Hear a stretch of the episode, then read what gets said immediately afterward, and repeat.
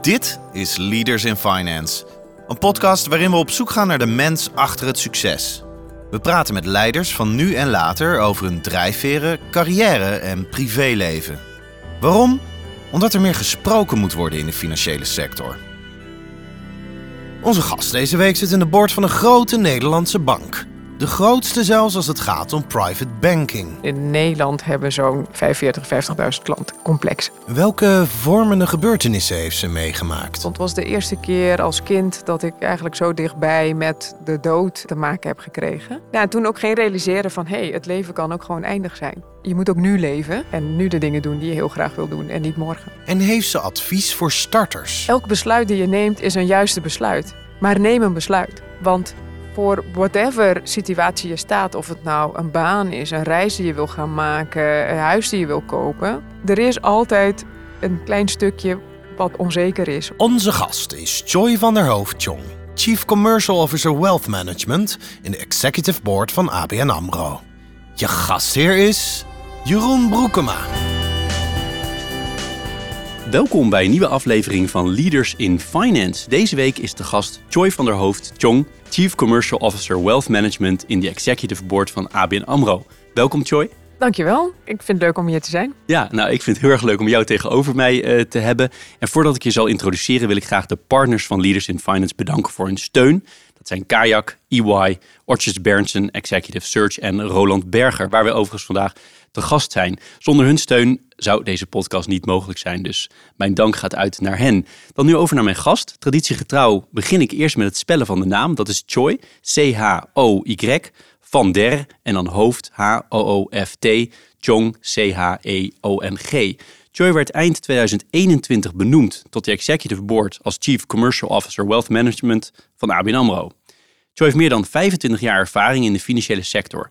Ze begon haar carrière in 1996 als management trainee bij ABN AMRO Bank en vervolgens bekleedde ze diverse managementfuncties, waaronder relatief recent de rol van Head of Corporate Sales Global Markets en Chief Executive van ABN AMRO Mees Pierson. Een specifiek interessante functie vond ik dat ze projectmanager is geweest bij ABN AMRO Business Services India in Mumbai. Joyce bestuursvoorzitter van Talent naar de Top en wil daarmee bijdragen aan de top van het bedrijfsleven inclusiever te maken. Daarnaast is ze ook oprichter en bestuurslid van de stichting Children's Kazana Foundation. Een foundation met als missie om kinderen te helpen betere basisvaardigheden op het gebied van financiën te laten ontwikkelen. Tot slot, hele mond vol, Joyce is 52 jaar, eh, getrouwd en woont in de buurt van Amsterdam. We hebben al een beetje een beeld, uh, Joy, en we gaan dat in dit gesprek veel verder uh, uitwerken. En zoals jij weet, want jij zei in het voorgesprek, dat deed mij deugd, dat je al meerdere afleveringen van Leaders in Finance hebt geluisterd, begin ik heel graag aan de hand van de stakeholders om te zien wat jouw rol precies inhoudt in die organisatie ABN AMRO. En misschien aan jou de vraag, uh, we kunnen natuurlijk heel veel stakeholders langslopen, maar met welke zou jij zelf willen beginnen? Ik moet heel eerlijk zeggen dat ik eh, de luxe heb de klantengroep te bedienen binnen de bank, verantwoordelijk voor te zijn, die we wealth management of uh, private banking klanten noemen. Dat zijn uh, welgestelde klanten met een vrij besteedbaar vermogen van boven de 500.000 euro. En um, ja, de bovenkant is onbegrensd, om het maar even zo te noemen. Dus over het algemeen zijn dat ondernemers, succesvolle ondernemers, uh, um, maar ook private individuals die een mooie carrière hebben opgebouwd en daarmee ook hun vermogen hebben opgebouwd. In sommige gevallen is het ook uh, familie, uh, familiegeld. Dus het is heel breed. Wat ik mooi vind van deze klantengroep is dat het een klantengroep is die een mening heeft en expertise heeft zelf ook op heel veel verschillende onderwerpen. Maar los daarvan moet je natuurlijk als financiële instelling iets brengen voor deze klanten. En het is een doelgroep die meer wellicht dan uh, gemiddeld in staat is om zelf analyses te doen, eh, informatie op te vragen, een netwerk van experts om zich heen te hebben en slash uh, aan te spreken, waardoor ze altijd zelf heel goed uh, beslagen ten ijs komen. Maar ook een demanding doelgroep, of niet? Daardoor. Abs absoluut, hè? maar en, en daar, daar wil ik eigenlijk naartoe. Hè? Dus dat betekent dus ook dat je continu moet nadenken: waar voeg ik waarde toe in de relatie met deze klant? En wat misschien heel veel mensen aan mij vragen is: wat is het verschil? Want ik heb twintig jaar aan de corporate kant van de bank gewerkt. Wat is het verschil tussen private banking en corporate banking? En het is een beetje gechargeerd, hè? En, en de wereld is natuurlijk niet uh, zwart-wit, maar Aan de corporate banking kant zit er iets meer van een afhankelijkheid in de relatie. Dus een klant wil uh, iets gaan doen hè, in een investering, een overname, uitbreiding, noem het maar op. En die heeft op dat moment behoefte aan een bepaalde financieringsvraagstuk. In principe heeft een private banking klant een bank niet nodig, anders dat ze een financiële infrastructuur nodig hebben om een rekening te hebben en dergelijke. Dus je moet ook goed nadenken van waar ga je dan die toegevoegde waarde brengen voor deze klant. Maar blijkbaar doen jullie dat goed, want je bent geloof ik de grootste in Nederland, toch? Ja, dat klopt. Dus waar zit het hem in? Welke toegevoegde waarde leveren jullie? Ja, dat is natuurlijk een hele algemene vraag, maar welke dingen zou je eruit pakken? Het zit op verschillende vlakken. Omdat we de grootste zijn, kan je ook veroorloven om op diverse sub-expertise vlakken ook expertise te bieden. En wat bedoel ik daarmee? Is wat je ziet dat ook die groep van private banking klanten een gediversifieerde groep is. En je ziet dat die verschillende klantgroepen ook verschillende klantbehoeftes hebben. Ehm, dus daar kunnen we op inspelen. Omdat we die size hebben, kunnen we dat ook doen. Daarnaast kunnen we het productenpakket wat we aanbieden, omdat we niet alleen in Nederland uh, uh, actief zijn, maar ook in de buitenlanden, waar soms andere producten interessant uh, en of vraag naar is, kan je dat combineren, waardoor je dus ook een breder productenpakket kan aanbieden dan gemiddeld. En je hebt ook volumes om um, nieuwe producten te, te, kunnen ontwikkelen, waardoor andere partijen, want we werken heel veel samen met andere asset managers uh, voor productontwikkeling en dergelijke, het ook voor hun interessant is om met, hun, met ons zaken te doen. En zie je nu in die, die klantgroepen hele grote verschillen? Dus ik kan bijvoorbeeld voorstellen een klant met 500.000 euro, jullie ondergrens, hè, wat nog steeds een enorm bedrag is, tot klanten met 20 of meer miljoen uh, euro. Zijn het nou hele andere soortige klanten? in de basis wil iedereen aandacht. In welke vorm dan ook, hè? want aandacht hoeft tegenwoordig niet alleen maar persoonlijk te zijn. Hè? Dus face-to-face, daar bedoel ik mee, kan ook digitaal. In combinatie met het echt goed snappen wat hun situatie is, hè? hun financiële situatie is. Wat je ziet is dat de complexiteit van de vraagstukken, die nemen toe uh, naarmate de klant groter wordt. Hè? Naarmate het vermogen toeneemt. En dan komen ook andere aspecten om de hoek kijken bijvoorbeeld um, de, de, de, de ultra-high hè, daar spelen andere vraagstukken dan iemand met een kleiner vermogen. Dus in die zin, qua advisering en productenpakket, kan dat wat veranderen. Maar in de basis heeft iedereen dezelfde behoefte.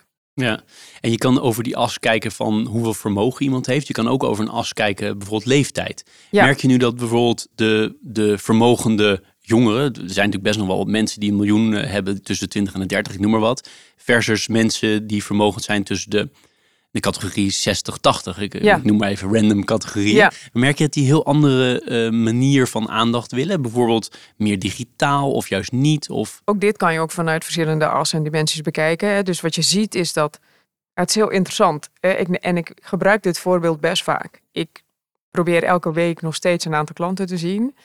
En ook regelmatig um, zit daartussen ook een jonge ondernemer die net zijn bedrijf heeft verkocht en nou, daardoor een mooi vermogen op zijn bankrekening bijgeschreven heeft gekregen. En dan stel ik ook die vraag. Ik zeg van, hoe zou je bediend willen worden? Hè? Vind je het fijn om dit zo persoonlijk één op één te doen, face-to-face? Of vind je het ook oké als we dit soort gesprekken digitaal doen? En het interessante is, is dat ik van heel veel jonge vermogenden te horen krijg van, ja weet je, het is ook voor de eerste keer dat ik zo verschrikkelijk veel geld op mijn rekening heb. Ik ben altijd bezig geweest of met mijn onderneming, of met sporten, of met een andere manier waarmee zij hun vermogen hebben opgebouwd. En soms krijgen ze het ook vanuit uh, de erving. Hè, die, uh, um, en sommigen weten niet eens dat hun ouders zoveel geld hebben. Dus het is ook de eerste keer dat ze daar werkelijk mee in aanraking komen. Zeg ja, ik ben er ook een beetje onzeker over. En ik wil er toch eerste gesprekken hierover met iemand aan tafel zitten. Om ook te voelen wat voor persoon dat is. Dus dat vind ik interessant. Dat is boeiend, want je hebt altijd het idee, uh, jongeren willen juist alles maar via apps en, uh, en, en, digitaal doen. Maar eigenlijk zeg jij de groep die wel serieus vermogen heeft. Dat is misschien wel weer anders dan de groep die 50.000 tot een paar honderdduizend ja, vermogen. Oh, sorry, ja. ik loop voor. Dus, dus dat initiële gesprek en misschien de eerste twee, drie gesprekken om echt goed in beeld te brengen van nou, wat willen ze nou, hun ook mee te nemen, wat is er mogelijk en dergelijke. Kiezen ze toch voor om dat persoonlijk te doen. En persoonlijk bedoel ik face-to-face. De interactie daarna is prima om digitaal te doen, welke vorm dan ook. En digitaal is tegenwoordig app, eh, via FaceTime. Dus alle kanalen die je bij spreken privé ook gebruikt. ja, dat zijn ook de kanalen geworden waarin wij interactie hebben met onze klanten. Het mooie daarvan is dus ook, vind ik, dat je ook digitaal, want heel vaak denken mensen digitaal is niet meer persoonlijk, maar daarmee kan je nog steeds heel persoonlijk zijn. Hè? En, en, en die, die groep ehm, met een, lager eh, of een kleiner vermogen, wat je ziet is dat het eerste gesprek vindt soms uh, digitaal of uh, persoonlijk face-to-face plaats, maar alle andere interactie, en dat gaat nog sneller. En soms is de eerste interactie al digitaal. Dus het is ook een beetje afhankelijk van de persoon. Kijk, ik denk uiteindelijk, geld blijft toch altijd een emotioneel iets. Hè? En het maakt niet uit hoeveel het is. Hè, voor iedereen, in de fase waar ze in zitten, is het een, een, een, een, raakt het iemand direct persoonlijk. En ja, daar moet je op inspelen. En ABN AMRO heeft net als de andere banken natuurlijk veel retailkantoren gesloten. Geldt het ook voor de private banking kantoren? Zijn er nu minder of is het nog steeds hetzelfde aantal? Nee, we hebben nog steeds hetzelfde aantal kantoren. En we zijn wel veel meer kantoren gaan combineren. Hè. Dus de, de retail, retail, daar waar ze nog kantoren hebben, private en de corporate bank gezamenlijke kantoren van maken. Omdat ik echt wel geloof in de kracht van de franchise. Waar we ook een verschil kunnen maken in de markt, is de ondernemende klant. Die bankiert 9 van de 10 keer ook bij ons. Ja, dan is het een beetje gek dat hij eerst een afspraak heeft bij de private bank en dan gaat hij naar adres X. En vervolgens gaat hij, heeft hij een afspraak uh, met zijn banker uh, aan de zakelijke kant. En dan moet hij een afspraak naar adres Y. Dat is natuurlijk best gek. De klant ziet ons als één loket. En daarnaast is het goed voor de samenwerking. En ik denk zeker uh, na corona dat mensen veel meer hybride werken. Het juist goed is om ja, hubs te hebben waar je ook je mensen bij elkaar brengt. Hè? Want de andere stakeholder zijn je, je collega's. Het is ook belangrijk dat binding blijven voelen met het bedrijf, maar ook met de klanten. En door die gezamenlijke kantoren kan, is een manier om dat te doen. Helder. En een mooi bruggetje naar de, naar de volgende stekel. Nog eentje over de, klant, de klanten. Hoeveel klanten hebben jullie? Het is een beetje afhankelijk hoe je klant definieert. Hè? Want je kunt klant, uh, elke rekening die ze hebben, uh, je kunt een klantcomplex. Uh, wij kijken naar klantcomplexen en in Nederland hebben zo'n nou, 45, 50.000 klantcomplexen. Complexen bedoel je met dat ze meerdere producten hebben of zo? Of nee, je... dus dat er een familie, hè, dus bijvoorbeeld jij bent klant bij ons, samen met je drie kinderen en vrouw, dat is een klantcomplex. Helder. En hoe belangrijk, jij zal natuurlijk zeggen heel belangrijk, maar binnen die raad van bestuur, binnen die hele balans van ABN AMRO, hoe belangrijk is private banking? Natuurlijk zeg ik heel belangrijk. Nee, maar de, los daarvan, private banking is een belangrijk onderdeel en groeisegment voor de bank. Um, Enerzijds omdat de private banking markt is een groeimarkt. Uh, niet alleen in Nederland, maar ook in de buitenlanden. Dus we zijn ook heel erg gericht op Noordwest-Europa, op de landen waar we nu, nu aanwezig zijn. Daarnaast is het een onderdeel van de bank, hè, qua bankieren, wat um, kapitaallicht is, om het maar even zo te noemen. Hè. Dus uh, het, het, het, zorgt ook voor diversiteit in je, in je businessmodel in combinatie met je inkomsten dat je niet alleen maar renteinkomsten hebt, maar dat je ook een goede balans en verhouding hebt met je fee-inkomen. Dus vanuit dat perspectief is het ook voor de bank interessant om een private bank doelgroep ook te bedienen. Helder, met hoeveel mensen, uh, hoeveel mensen werken er in al jouw teams bij elkaar opgeteld? Alles bij elkaar. In alle landen hebben we ongeveer uh, 3.500 uh, FTE. En het grootste deel daarvan zit daadwerkelijk met klanten? Kunnen we dat stellen? Um, zeker, zeker. Ja. En absoluut. verdeeld over de landen, hoe groot is Nederland dan vergeleken met de andere landen? Welke landen zijn het overigens? Ja, we zitten uh, met private banking activiteiten zijn we actief in Nederland, België, Duitsland en Frankrijk. Uh, daarnaast als bank zijn we ook aanwezig in de UK, hè, dus uh, Engeland, wat met name corporate banking activiteiten zijn. We hebben ook een hub in Oslo en in Griekenland. Dat is ook corporate banking activiteiten. Um, als je kijkt hoe dat verdeelt over de landen, Nederland is wel dominant. Dat is ongeveer 60 procent uh, van het totaal. En de rest is verdeeld over de andere landen.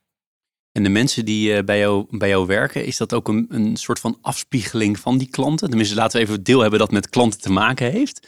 Zijn dat ook uh, zijn dat, typische bankiers of trekken jullie ook ex-ondernemers aan? Of uh, vrouwen, andere minderheidsgroepen? In hoeverre spiegelen jullie, zijn een afspiegeling van je klant? Kijk, ik denk dat dat is wel ontwikkeld in de afgelopen jaren. Het beeld wat heel veel mensen hebben van de traditionele bankier in zijn grijze krijtstreeppak en, en, en, rode stropdas, uh, ja, dat hebben wij zeker ook gehad. Um, maar wat je ziet is dat onze klantengroep verjongt, maar onze medewerkers ook verjongen. En dat is ook belangrijk, omdat je wil ook die connectie blijven houden met je klant. En hoe je klantbestand zich ontwikkelt. En ik zie echt wel dat we in de afgelopen jaren zag je dat nou ja, uh, mensen gingen werken bij de private bank en bleven daar bij spreken levenslang bij de private bank werken. Tegenwoordig hebben veel meer collega's die ook van de corporate bank de switch maken naar de private bank of van de retail bank naar de private bank. Maar ook van buiten. Dus in de buitenlanden hebben we niet zo'n zo'n feeder, om het maar even zo te noemen. Maar ook van buiten zie je dat um, het niet alleen economen zijn die bijvoorbeeld uh, de private bank interessant vinden. Maar uh, we hebben ook mensen die geschiedenis hebben gestudeerd. En we hebben ook mensen die bouwkunde hebben gestudeerd. En uh, de, de, de verhouding man-vrouw, zeker in de wereld van private banking, die is best wel, nou denk ik, sinds in, in het verleden ook al oké geweest. Wat is die bij jou ongeveer? Ik heb niet het exacte getal, maar als ik zo even nadenk over wie ik overal zie, en dan is hij toch wel redelijk bijna 50-50. Dat is een belangrijk onderwerp voor je. In de voorbereiding las ik allemaal dingen dat jij veel bezig bent met gelijkheid tussen mannen en vrouwen. En ook vrouwen kansen, eh, meer kansen wil geven dan in het verleden. Dus het, lukt jou wel aardig, zo te horen? Of uh, ben je nog niet, uh, nog niet tevreden? Nou, ik denk dat je er altijd aan moet blijven werken. Hè? Dus dat het belangrijk is dat je bewust bent uh, van hoe stel je uiteindelijk team samen en, en, en hoe passen daar verschillende achtergronden ook in. Hè? En, en dat kan ook breder zijn dan alleen man-vrouw. Um, dus ik ben daar wel actief mee bezig, ja. Helder. Andere uh, stakeholder is de, de, de eigenaar, de aandeelhouder. Hoe zit dat nou precies in elkaar uh, voor jou? Want je hebt ook banken met die eigen entiteiten zijn in het buitenland, als ik het goed heb voorbereid. dus hoe werkt dat precies? Nou, kijk, de, al onze uh, uh, entiteiten in het buitenland zijn inmiddels branches geworden. Hè? Dus het zijn geen aparte subsidiaries meer met um, in die zin een eigen bestuur en een eigen uh, supervisory board, et cetera, et cetera. Wel eigen namen nog, hè? of deels ABN AMRO, Beetman of deels... Precies, maar dat doen we heel bewust. Omdat dat is wel in de wereld van private banking, is een label heel belangrijk. En een label, brand staat ook voor bepaalde kwaliteit, uh, historie, uh, uh, um, niveau van expertise en dergelijke. Dus dat is een bewuste keuze van de bank ook om de subbrand, zoals wij dat noemen, in stand te houden voor de private banking doelgroep. dus dat doen we wel. Um, maar als het dan gaat om de, de, de, de, de, groot, de, de aandeelhouders die wij als bank hebben, die zijn dus aandeelhouder van het geheel. En uh, ik moet heel eerlijk zeggen dat in de day-to-day aansturing van de business hebben wij geen last van de aandeelhouder, om het maar even zo te noemen. Kijk, de aandeelhouder kijkt meer in zijn totaliteit hoe performt de bank. Uh, uh, um, de doelstellingen die er gesteld worden, de strategie die er wordt, um, die er is, past dat nog? En daar, daar vinden ze iets van. Um, en ze bemoeien zich niet met de day-to-day business. Dus... Maar het feit dat uh, eh, ABN AMRO nog deels in handen is van de Nederlandse overheid... dat heeft eigenlijk met zoveel woorden, zeg jij, nul impact op wat jij doet? Nee, nee. Daar merk je nooit iets van? Nee. Uh, anders, het enige is dat uh, klanten er wel eens aan vragen. En uiteraard medewerkers ook van oh, hoe zit dat nou en hoe werkt dat in de dynamiek. Maar dat is een hele volwassen relatie. En um, daar hebben we ook altijd een hele goede dialoog mee gehad en nog steeds. En hoe is die dialoog met de toezichthouder? Want dat ja. zijn voor jou de, de bekende toezichthouders, neem ik aan. De, de, de ECB, DNB, AFM onder andere. Ja. Um, hoe, hoe, hoe verre ben jij daar zelf actief mee bezig? Ja, in, in deze rol nog meer dan hiervoor. Uh, dus de, de, dat, dat is een actieve dialoog. De, de toezichthouder is wat je. Wat in, in de afgelopen jaren is de toezichthouder ook dichter bij de financiële instellingen gekomen, om het maar even zo te noemen. Um, waarin ze veel meer nog en actiever dan in het verleden. En nogmaals, door mijn huidige rol zit ik er natuurlijk nog actiever in dan in mijn vorige rollen. Um, uh, uh, um, toezicht houden op niet alleen uh, hoe wordt een bank bestuurd, maar ook hoe ontwikkelt de bank zich, hoe ontwikkelt het businessmodel van de bank zich. Um, hoe um, uh, wordt er voldoen, voldaan aan alle uh, regelgeving die er is? regelgeving is natuurlijk veel, uh, veel meer aangescherpt en we hebben veel meer regels gekregen. Dus dat bij elkaar zorgt ervoor dat die dialoog heel actief is op verschillende vlakken. Dus die, die dialoog op het vlak van Know Your Customer natuurlijk enorm in de, in de schijnwerpers gekomen. De afgelopen nou, vijf plus jaar al. Ja. Um, dat geldt voor alle financiële instellingen, geldt ook voor ABN AMRO. Nu hoor ik heel vaak bij private banks, ik kom nog wel eens ook wel eens bij anderen, ja, dat moet ik maar eerlijk zeggen. Um, hoor ik dat het ongelooflijk lastig is om Know Your Customer te doen op de echt de echte high net worth, je haalde ze eerder al aan, high net worth individuals, om daar dan de vinger achter te krijgen wie dat echt zijn. Hebben jullie dat, die uitdaging ook? Um, nou, ik denk dat we die uitdaging, ik weet het niet of dat de uitdaging is. De uitdaging zit er meer in, wat wil een klant disclosen? Um, ik durf wel te stellen dat wij een dusdanige relatie hebben met onze klanten, dat we heel veel van ze weten. Um, en, en dat ze ons ook heel veel vertellen. Um, alleen soms is, is, het ook een beetje een, een spagaat, want je weet wat er gevraagd wordt en, en, je weet waarvoor dat nodig is. En de klant snapt het ook heel goed. Hè? Het is ook niet zo zeker, de private banking doelgroep, dat ze niet begrijpen waarom banken die informatie willen hebben. Alleen naarmate de krant groter wordt, um, wordt privacy en veiligheid is toch wel iets wat belangrijker wordt. En ik merk gewoon dat um, dat een thema is voor klanten waarom ze soms terughoudend zijn met wat ze op papier willen delen, omdat ze niet weten, uh, niet weten waar het overal terecht kan komen. En tegenwoordig met dataleaketjes en dergelijke, daar zijn ze heel terughoudend in. Dus daar zitten we meer in, wat mij betreft. Merk je dat de klanten iets meer de gewend aan zijn geraakt dat financiële instellingen zoveel vragen? Want in de beginperiode dat dit echt een veel groter onderwerp werd dan vroeger, uh, merkt hij dat ze, ja, hallo, waarom moet ik aanleveren waar die stichting van mij precies zit in het buitenland en wat is hier precies de UBO enzovoorts. Uh, maar dat klanten iets meer gewend eraan zijn geraakt van oké, de bank die moet dit ook echt vragen. En er is een reden voor, namelijk willen terrorisme, financiering en uh, witwassen tegengaan. Zeker. Er is vandaag de dag veel meer begrip uh, dan vijf, zes jaar geleden. Um, en wat ik net zei, klanten begrijpen het ook wel. Um, wat wel zo is, is dat je ziet, is dat de, de, de, de hoeveelheid informatie die we van een klant willen hebben, uh, en de achtergrond daarvan, het breidt zich steeds uit. Dus uh, het is niet zo dat dat, dat is, het is een dynamisch thema, om het maar even zo te noemen. En, en, dat komt bijvoorbeeld nu, krijg je ook veel meer regelgeving op gebied van duurzaam en dergelijke. Nou, daar hebben we ook bepaalde data voor nodig en, en, en bepaalde informatie van klanten voor nodig. En hoe doe je dat slim? Dus de uitdaging zit hem ook bij ons nu. Als je kijkt naar alle klantvragen die je hebt, die niet direct te maken hebben met de financiële vraag die de klant op dat moment heeft. Uh, hoe doe je dat slim? Hè? En hoe kan je dat ook combineren? En dat, uh, ja, dat is een uitdaging voor ons.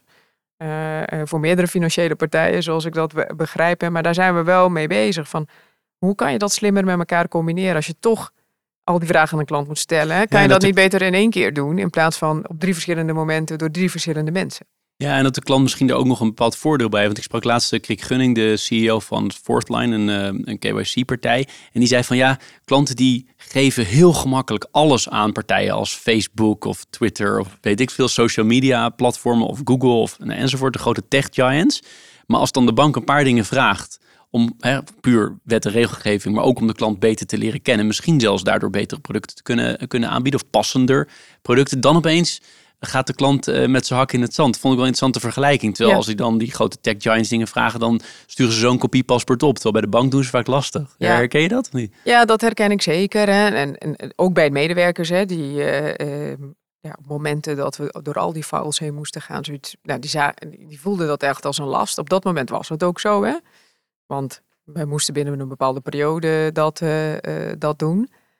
Um, maar ik heb ook altijd gezegd van het geeft ons ook informatie die we misschien niet hadden. Want uiteindelijk zegt iedereen dat hij zijn klant goed kent. Hè? Wie je ook vraagt. En inclusief ikzelf toen ik uh, accountmanager was. Maar je wordt nu gedwongen op een aantal specifieke thema's informatie op te vragen van je klant. En het komt toch vaak voor dat je informatie krijgt of iets hoort waarvan je denkt: hé, hey, dat geeft me toch nieuwe inzicht. En uiteindelijk zien we nu wij zijn inmiddels een paar jaar verder binnen de private bank, dat medewerkers ook voordeel zien van het hebben van die informatie, omdat het hun inderdaad helpt. En bij klanten ook, want toen was het van, ja, wij moeten deze informatie hebben binnen, deze, binnen een bepaalde periode. Dus dat, dat werd ook als, ervaren als last. Daarnaast waren we een van de eerste die door dat hele proces heen gingen. Ehm, dus kregen we ook heel veel vragen van, ja, waarom bij jullie wel? En zeker als we nog een andere bankrekening elders hebben, waarom daar niet? Um, inmiddels is die druk van die, tijd, die tijdsdruk is eraf. Um, is het de, de, de, de, de, ontwikkeling rondom dit thema is natuurlijk, we zijn weer een tijd verder. Uh, waardoor het voor klanten ook minder um, uh, als een last ervaren wordt. Tegelijkertijd is het ook zo, naarmate je groter wordt, en ik weet ook van een aantal grote klanten, die hebben uh, mensen in dienst die fulltime hiermee bezig zijn om continu die informatie te kunnen verschaffen aan verschillende partijen. He, want tegenwoordig vraagt een notaris ook van alles van je.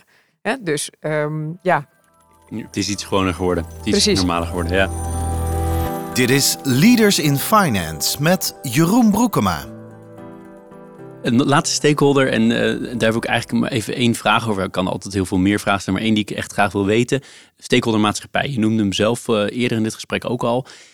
Die maatschappij, die zegt steeds groener te worden. Tenminste, heel veel mensen hebben het erover, duurzame, duurzame transities uh, die gemaakt uh, moeten worden de komende jaren. Maar zie je nou ook in, het, in de dagelijkse praktijk van die um, 50.000, uh, circa 50.000 klanten, dat, dat er ook, als het geld gaat kosten, mensen echt bereid zijn om in, ik noem wat, andere ETF's te stappen die groener zijn. Of daadwerkelijk een stuk rendement willen laten liggen, financieel rendement, maar gaan voor groen rendement. Of zeg jij, twee voor, misschien zeg jij het ergens tussenin, maar of zeg jij, nee, at the end of the day, mensen willen primair rendement en als het dan dat gezamenlijk kan, prima. Ben ik wel benieuwd naar in de praktijk van alle dag, want iedereen roept van alles, maar ze zeggen altijd principes zijn pas principes als ze geld kosten. Dat is een uh, mooie uitspraak um, en ook een goede vraag. Uh, daar zijn we ook wel in transitie. Wat je ziet is daar ook verschillen tussen generaties. Wat ik echt wel zie is dat de jongere generatie um, nog veel meer uh, dan de meer senior generatie bezig is met wat laat ik achter en wat kan ik goed doen voor de wereld. Um, en die kijken niet direct primair naar de performance. Daar waar uh, de meer oudere populatie, daar zie je ook een draaien. Dus daar waar het in het verleden veel meer over performance ging, zie je ook dat zij de draai aan het maken zijn van oké, hoe ga ik dat doen? En uh, ik heb deze, ik ben bevoorrecht uh, in deze maatschappij? Wat kan ik ook terug doen voor deze maatschappij? Tegelijkertijd is het ook zo, hè, en ik, ik, ik heb net ook iets gezegd over dat geld is toch iets heel, ja, daar zit emotie achter. Is dat op het moment dat de performance, um, ook al is het een jaar en je belegt voor een, met een langere horizon, slecht is, heb je daar altijd een gesprek over. Kijk, en daar is dan wel van belang dat je goede mensen in dienst hebt die um, dat ook kunnen uitleggen aan de klant waardoor dat komt. Uh, en hun daarmee ook peace of mind geven. Kijk, want uiteindelijk de onrust zit in het feit dat ze denken van, oh, dit is een slecht jaar, dat kan je wel zeggen, maar ik beleg voor vijf tot tien jaar of misschien zelfs langer. Stel dat het vijf jaar zo is, dan zie ik een deel van mijn vermogen verdampen en dat is ook weer niet de bedoeling. Hè, dus, uh, uh, dus daar moet je een balans in zien te vinden van hoe neem je de klant mee in nou, de achtergrond van de performance, hoe, hoe, is dat opgebouwd? En anderzijds um, in gesprek blijven van nou, waarom ben je aan het beleggen en hoe ben je aan het beleggen? En hè, als je kiest voor een bepaalde um, mandaat, zoals wij dat noemen, in dit geval duurzaam, dan betekent het ook X, Y, Z ten aanzien van hoe die portefeuille is opgebouwd. En zijn jullie, ik kan me voorstellen dat de klant in grote mate leidend is met wat hij wil. Maar tegelijkertijd, jullie kunnen misschien ook wel deels sturend zijn. Want ABN heeft in ieder geval in zijn uitingen is het idee om steeds groener te worden. Dus in hoeverre uh, zijn jullie er ook een beetje sturend? Dat je zegt, nou ja, klanten je ook, ik noem maar wat, verzin nu iets hoor, maar kunnen overwegen om wat meer, uh, jullie hebben geloof ik ook een hoofd-ESG beleggen, uh, ja. las ik laatst. Je kunt misschien toch iets meer richting die kant gaan. Zijn jullie daarin sturend of zeg je nee, uiteindelijk is het toch altijd de klant die bepaalt. Als die in fossiele brandstof 100% wil zitten, moet hij dat zeker doen. Ja, uiteindelijk bepaalt de klant zelf. Hè? Kijk, en um, nou, je kent waarschijnlijk, of je hebt er een keer over gehoord, dat we MIFID-regelgeving hebben tegenwoordig. Dus je moet suitability of service testen. Dus de, de, de producten die je klant aanbiedt, moeten uiteindelijk passen bij de behoeften van de klant. Um, de verantwoordelijkheid die we hebben is om de klanten wel mee te nemen in de verschillende alternatieven die er zijn. En wat interessant is, en dat maakt ook de gesprekken met deze klanten heel interessant, is wat is je levensfilosofie? Want uiteindelijk komt het daarop uit. Hè? Wat wil je met het vermogen wat je hebt? En daar zie je dus dat er echt wel een shift aan het plaatsvinden is, waarbij klanten zeggen: ja, ik heb het goed. Uh, uh, ik kan ook voldoende vermogen overlaten aan, uh, overdragen TCT aan mijn nabestaanden, aan mijn kinderen.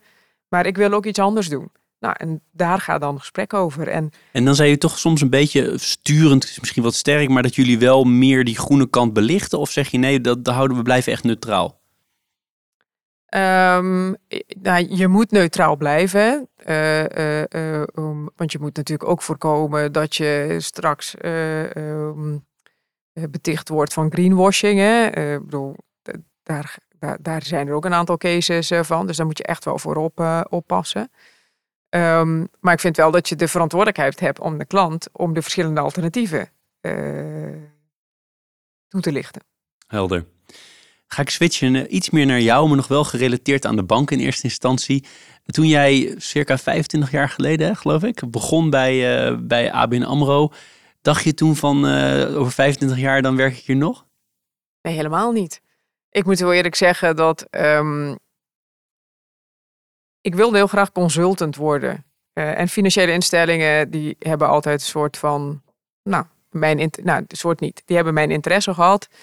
Ik heb ook uh, macro-economie in combinatie met financiële markten gestudeerd. Dus ergens dat ik bij een bank, een verzekeraar iets wilde gaan doen. Um, dat wist ik wel, maar ik wilde eigenlijk in eerste instantie consultant worden. Um, maar toen was ik tijdens een, een, een, een, banenmarkt op de Erasmus aan het praten met, uh, nou, ABN AMRO was daar ook aanwezig. Toen dacht ik van, goh, dat zijn toch wel leuke mensen. En toen hebben ze me gevraagd om uh, te solliciteren. Nou, zo, is het, zo ben ik uiteindelijk in een traineeklasje terechtgekomen. En toen dacht ik van nou, het is misschien toch goed om uh, zelf eerst met je voet in de klei te staan. Voordat je pretendeert een consultant te kunnen zijn op bepaalde onderdelen. Ja, en zo is het gestart en uiteindelijk ben ik nooit weggegaan. En van dat traineeklasje, hoeveel mensen waren dat? We waren, ja, dat is een goede vraag. Ik denk dat we toen met zo'n 12 en 15. Uh... Is Joy de enige die nog bij ABN AMRO werkt? Of zijn er nog meerdere? Nee, oh. nee, nee, er zijn er zeker nog een paar die bij ABN AMRO werken. En een aantal zijn weggegaan. Zeker, ik moet zeggen van het, het grootste deel werkt niet meer bij ABN AMRO. Maar een deel daarvan werkt nog steeds wel in de financiële wereld. Maar dan op een, bij een andere bank, andere verzekeraar. Of nog contact met elkaar? Uh, met een aantal wel. Ja? Ja. Grappig. Ja. Nee, luisteraars weten ook dat ik ooit bij ABN AMRO ben begonnen. En ons traineeklasje, daar werkt nog maar, ik denk twee of twee van de tien werken bij ABN AMRO. Maar we hebben nog steeds heel veel goed contact met elkaar. Het is heel interessant waar iedereen terecht is gekomen. Het is heel leuk om te zien. Dus één keer per jaar dan gaan we met elkaar eten. Dan hoor je wat er speelt. En wat jij ook zegt, bij ons ook. Veel uh, werken nog steeds in de financiële sector. Dat is wel ja. grappig om te zien. Had jij een bepaald ambitieniveau wat lijkt op wat je nu, dat je uiteindelijk in de RVB terecht bent gekomen op dat moment? Nee, totaal niet. Kijk, het is wel zo dat toen der tijd, eh, als je in dat klasje startte, was er een soort van verwachtingspatroon werd er neergelegd. Dat herken je misschien ook nog wel. Dat je binnen zoveel jaar tijd uh, in een bepaalde salarisschaal zou moeten zitten. En nou, op een gegeven moment senior manager. Um, maar ik was daar eigenlijk nooit zo heel erg mee bezig. Hè, van, uh, en helemaal niet dat ik een positie in de raad van bestuur wilde, wilde hebben. Ik was altijd wel geïntegreerd dat Groening dat heel, heel erg voor ogen had. Hè. En ik vind ik ook knap hoe hij dat heeft gedaan. Maar ik, nou, ik zit niet zo in elkaar. Ik zit wel, um, wat voor mij belangrijk is, van kan ik iets leren? Kan ik iets toevoegen? En heb ik het naar mijn zin? En ik had wel, voor, ik had ik denk de enige baan wat ik echt wel goed voor ogen had dat ik dat wilde gaan doen, was mijn eerste baan. En dat is misschien heel gek, want ja, kende die bank verder helemaal niet. Maar na een jaar traineeship, waarin je verschillende onderdelen van de bank uh, ziet, um, dacht ik van oké, de bank bedient zakelijke klanten en de bank bedient uh, particuliere klanten. En er is één rol waar die twee werelden bij elkaar komen. En als ik dan de bank goed wil leren kennen, is dat in de rol van adviseur medische en vrije beroepen. Want daar heb je en de zakelijke kant en de particuliere kant komt uh, om de hoek kijken. Dus dat was jouw eerste rol? Dat was mijn eerste rol. En dat wilde ik ook heel graag. Maar als trainee toen der tijd, hè, tegenwoordig is dat veranderd, had je niet zoveel te zeggen over je eerste baan. In ieder geval niet over je eerste rol. Uh, maar ik kreeg ook die rol. En dat is misschien het enige wat ik in die hele loopbaan bij ABN AMRO tot nu toe ehm, heel scherp voor ogen had dat ik dat wilde gaan doen. Alle andere rollen, ehm, ja, die zijn op mijn pad gekomen op de een of andere manier. Want nu ga ik een hele suggestieve vraag stellen, maar waar was die eerste rol? In Rotterdam. Was in Rotterdam? Oh ja. op de Koolsingel. Want het was ook ergens een rol in jouw carrière waar je heel ver weg moest en dat wilde je niet, geloof ik. Heb ik dat goed voorbereid of niet? Ja, dat klopt. Dat was Maastricht ook. Ja, uh, goed dat je dat. Eh, het is interessant dat je dat weet. Dat heb je van een insider. Dat nee, staat nee, niet. Nee, dat staat, nee, nee, nee, nee. Ik gebruik nooit de informatie die ik heb uit. Nee, dit is uit openbare bronnen. Want ik gebruik nooit de informatie die, van dingen die ik hoor. Nee, dus dat er, je hebt ergens in een interview gezegd, stond in mijn voorbereiding, dat je naar Maastricht werd gestuurd, maar dat je dat niet zag zitten en dat je toch uh, in discussie bent gegaan. En dat jij gewonnen hebt, dus aanhalingstekens. Ja, ja, ja. ja. En, en, ik moet even de context plaatsen, hè, want ook in die tijd, um, je, je had niks te vertellen over je eerste plaatsing, zoals we dat noemen. En je had ook niet niks te vertellen over de locatie van je eerste plaatsing. Je ging gewoon. En um, nou, het goede nieuws was, ik weet nog, ik zat daar voor uh, begeleider van de management. Ik goed nieuws voor jou. je wordt geplaatst als adviseur medisch en vrije beroepen in Maastricht. En toen keek ik hem echt zo aan. Ik zeg, nou Rick, Rick heet hij. Ik zeg, Rick, dat meen je niet. Ik heb gezegd, eh, vanaf Utrecht uh, in een cirkel van uh, 50, 60 kilometer besla je bijna heel Nederland, bij wijze van spreken vind ik het oké, maar Maastricht vind ik wel een beetje ver weg. Dag, ik ga niet naar Maastricht, heb ik toen gezegd. En toen zei hij van nou, het komt wel goed. Ik zei nou, ik ga niet.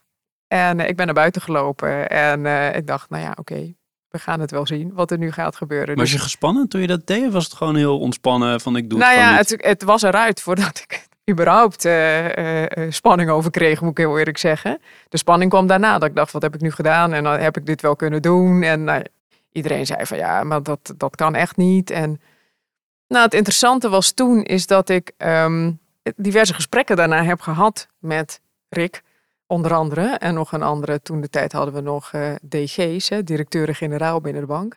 Ook met een directeur, DG van de bank. En die zeiden van nou oké, prima. Um, ga dan de baan doen waar je het wil. Uh, uh, maar je wordt wel uit het management development klasje gegooid, om het maar even zo te noemen. Ik zei nou prima ik wil deze baan doen en daarna zien we het wel. En uh, op dat moment, ik woonde in Rotterdam. Ik liep, ik had mijn laatste stage ook in Rotterdam gelopen. Um, ik wist eigenlijk niet eens of er een vacature was op dat moment in Rotterdam voor deze rol. Maar ik was toen naar mijn stagebegeleidster gegaan en ik zeg, uh, Eva heet zij. Ik zeg, Eva, nou dit is het geval. Ze zegt, ja, maar je kunt morgen hier aan de slag. Dus toen ben ik in Rotterdam aan de slag. Toen ben je uit het... Management Development klasje Maar dat, dat maakte je niet uit? Of, Nee. Dat maakte mij op dat moment niet uit. Maar heeft, dat heeft je ook niet in de problemen gebracht, zo te zien? Nee. nou, het interessante was dat ik wel de gesprekken. Ik had nog steeds wel periodieke gesprekken met, met, met, met degene die de, manage, de management trainees begeleiden. Um, en op een gegeven moment zeiden ze: ja, het gaat prima. We nemen je weer op in de community. En toen dacht jij van, ben blij dat ik recht terug heb gehouden?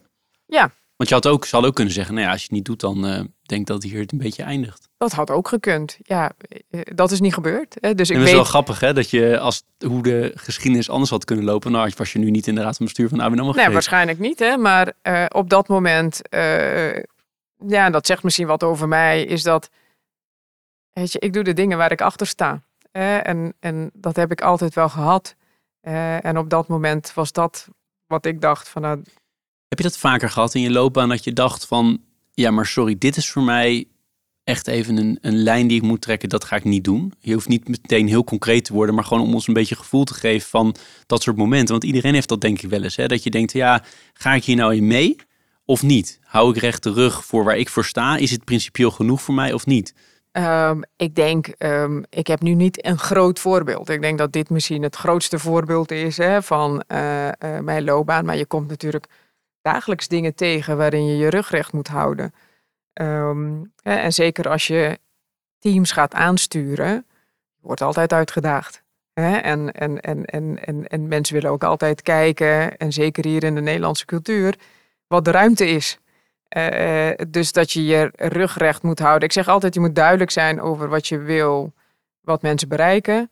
Uh, wat de context is hè, waarbinnen ze kunnen opereren. En daarbinnen geef ik mensen heel veel vrijheid. Um, Kijk, en, en, en je rug recht houden komt natuurlijk ook veel voor in discussies die je hebt. Hè? Of uh, bijvoorbeeld committees waar je in zit, uh, waarin je uh, allemaal verschillende in, invalshoeken hebt op een bepaald thema. Maar waarin je dus ook um, er moet staan voor je business of voor de bank hè? in zijn totaliteit. dus ik heb niet een sappig ander voorbeeld voor je. ik zal er even de tussentijd over nadenken. Uh, um, misschien kom ik er straks nog wel even ja, op. Nee, helder. En wat ik ook benieuwd naar ben, is op welke leeftijd ging je voor het eerst uh, mensen aansturen? Dat was dus niet in je eerste baan. Nee. Maar dat, hoe oud was je ongeveer dat je eerste keer een team uh, moest aansturen? Nou, informeel ben ik dat gaan doen. Ik ben op een gegeven moment ben ik naar corporate clients gegaan. En daar was ik account manager. Ja, toen noemden ze dat account manager finance. Hè, was je de krediet de kredietmanager, account manager als het ware voor op de accounts. En daar hadden we een groep van assistenten, die hadden niet, die vielen in de verschillende, die maakten onderdeel uit van de teams. Maar er was niet één iemand die die assistenten aanstuurde. Nee, dat was de eerste keer dat je een soort Maar dat van, de eerste uh, keer. En toen op een gegeven moment dacht ik van, nou, dus, er was wat, we gingen reorganiseren. En die mensen, die collega's, die voelden zich een beetje verloren in het grotere geheel. En, en weinig aandacht. Dus dat heb ik toen naar me toe getrokken. En dat is eigenlijk wel het begin Hoe geweest. oud was je toen? Ja, hoe oud was ik toen? Uh, dat was mijn uh, tweede, derde baan. Dus uh, ja, begin dertig. En wat, wat zijn dingen waar je achteraf van zegt, daar ben ik echt wel even, nou dat heb ik niet handig aangepakt. Als, als, want dat heeft iedereen denk ik als je de eerste keer leiding geeft. Ja, um, ik denk dat als je in het begin leiding geeft, dan ja, je moet ook zelf ontdekken, hè? wat is nou je stijl van leiding geven en, en, en, en waar voeg ik nou waarde toe? Is dat als ik naar mezelf kijk, is dat je um, nou, mensen ook veel tijd geeft, gunt om hun verhaal te doen. Hè? Aan de ene kant is dat goed. En zo zit ik ook nog steeds in elkaar. Hè? Dus ik wil wel weten waar iemand vandaan komt. Um, maar ik ben dat wel meer gaan timeboxen. En ik ben ook veel meer gaan kijken van, nou, kan ik deze persoon helpen of slash kan deze persoon toegevoegde waarde bieden. Daar waar ik in het verleden veel meer nog mee ging en dacht van goh, hoe kan ik deze persoon ook accommoderen? Zeker als het een goed iemand is hè, die je graag in de organisatie wil hebben. Daar ben ik wel wat strakker in geworden in de afgelopen jaren.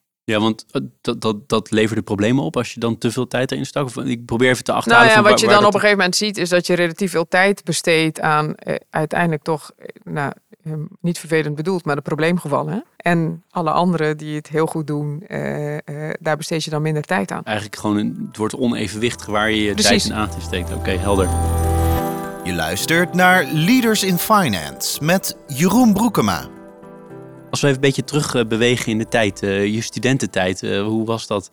Ja, onwijs leuk. Rond deze leeftijd heb je ook heel veel vrienden, familie waar de kinderen van nu gaan studeren. En um, laatst zei ik tegen iemand, nou, ik zou het eigenlijk misschien ook wel leuk vinden om weer terug te gaan naar de universiteit. Ik denk dat ik er nu met een hele andere mindset naartoe ga dan toen. ik wist eigenlijk niet zo goed waar ik in stapte. Ik ging studeren in Rotterdam. Ik kwam uit Curaçao, want daar ben ik opgevoed en opgegroeid ja, het is zo'n andere wereld. Los van het wonen in Nederland. Uh, het is groot, het is massaal. Op welke leeftijd kwam je naar Nederland? Toen ik 18 was. 18? Ja. ja. ja. En hoe koos je je studie? Mm. Die je zelf bedacht of in samenspraak met? Of? Nou, het was, ik, mijn vader was altijd heel actief in uh, um, nou, ons bewust maken van het feit van dat je daarover na moest denken. En als tiener ben je daar helemaal niet, of ik was daar niet zo mee bezig. Sterker nog, vond het uh, heel vaak, uh, ik vond hem lastig. Hè? En ik dacht van ja, pa, niet nu. Hè? Vond hij dat, dat ik een beroepskeuzetest moest gaan maken. En nou, die was daar heel erg mee begaan. En achteraf hè, denk ik van nou, fijn dat ik zo'n vader slash ouders had. Die uh, heel erg bezig waren met de ontwikkeling van ons alle drie. Ik heb nog twee broers. En um, dus ik was er niet zo zelf heel actief mee bezig. Maar doordat, en, en het feit dat als je opgroeit op Curaçao weet je dat um, als je de middelbare school, HAVO-VWO, uh, op een goede manier uh, doorloopt, dat je op een gegeven moment uh, ergens anders gaat studeren, omdat op het eiland zelf, zeker op dat moment, tegenwoordig is dat anders, er relatief weinig studies waren die je dan, kon volgen. En dan is het meestal of Amerika of Nederland. Precies, dan ging je of naar Amerika of naar Nederland. Voor mij is, heeft dat altijd opengestaan. Hè? En, en mijn ouders waren daar ook open in. Die, die hebben niet per se naar een bepaalde richting geduwd. Ondanks het feit dat ze zelf ook in Nederland gestudeerd hadden.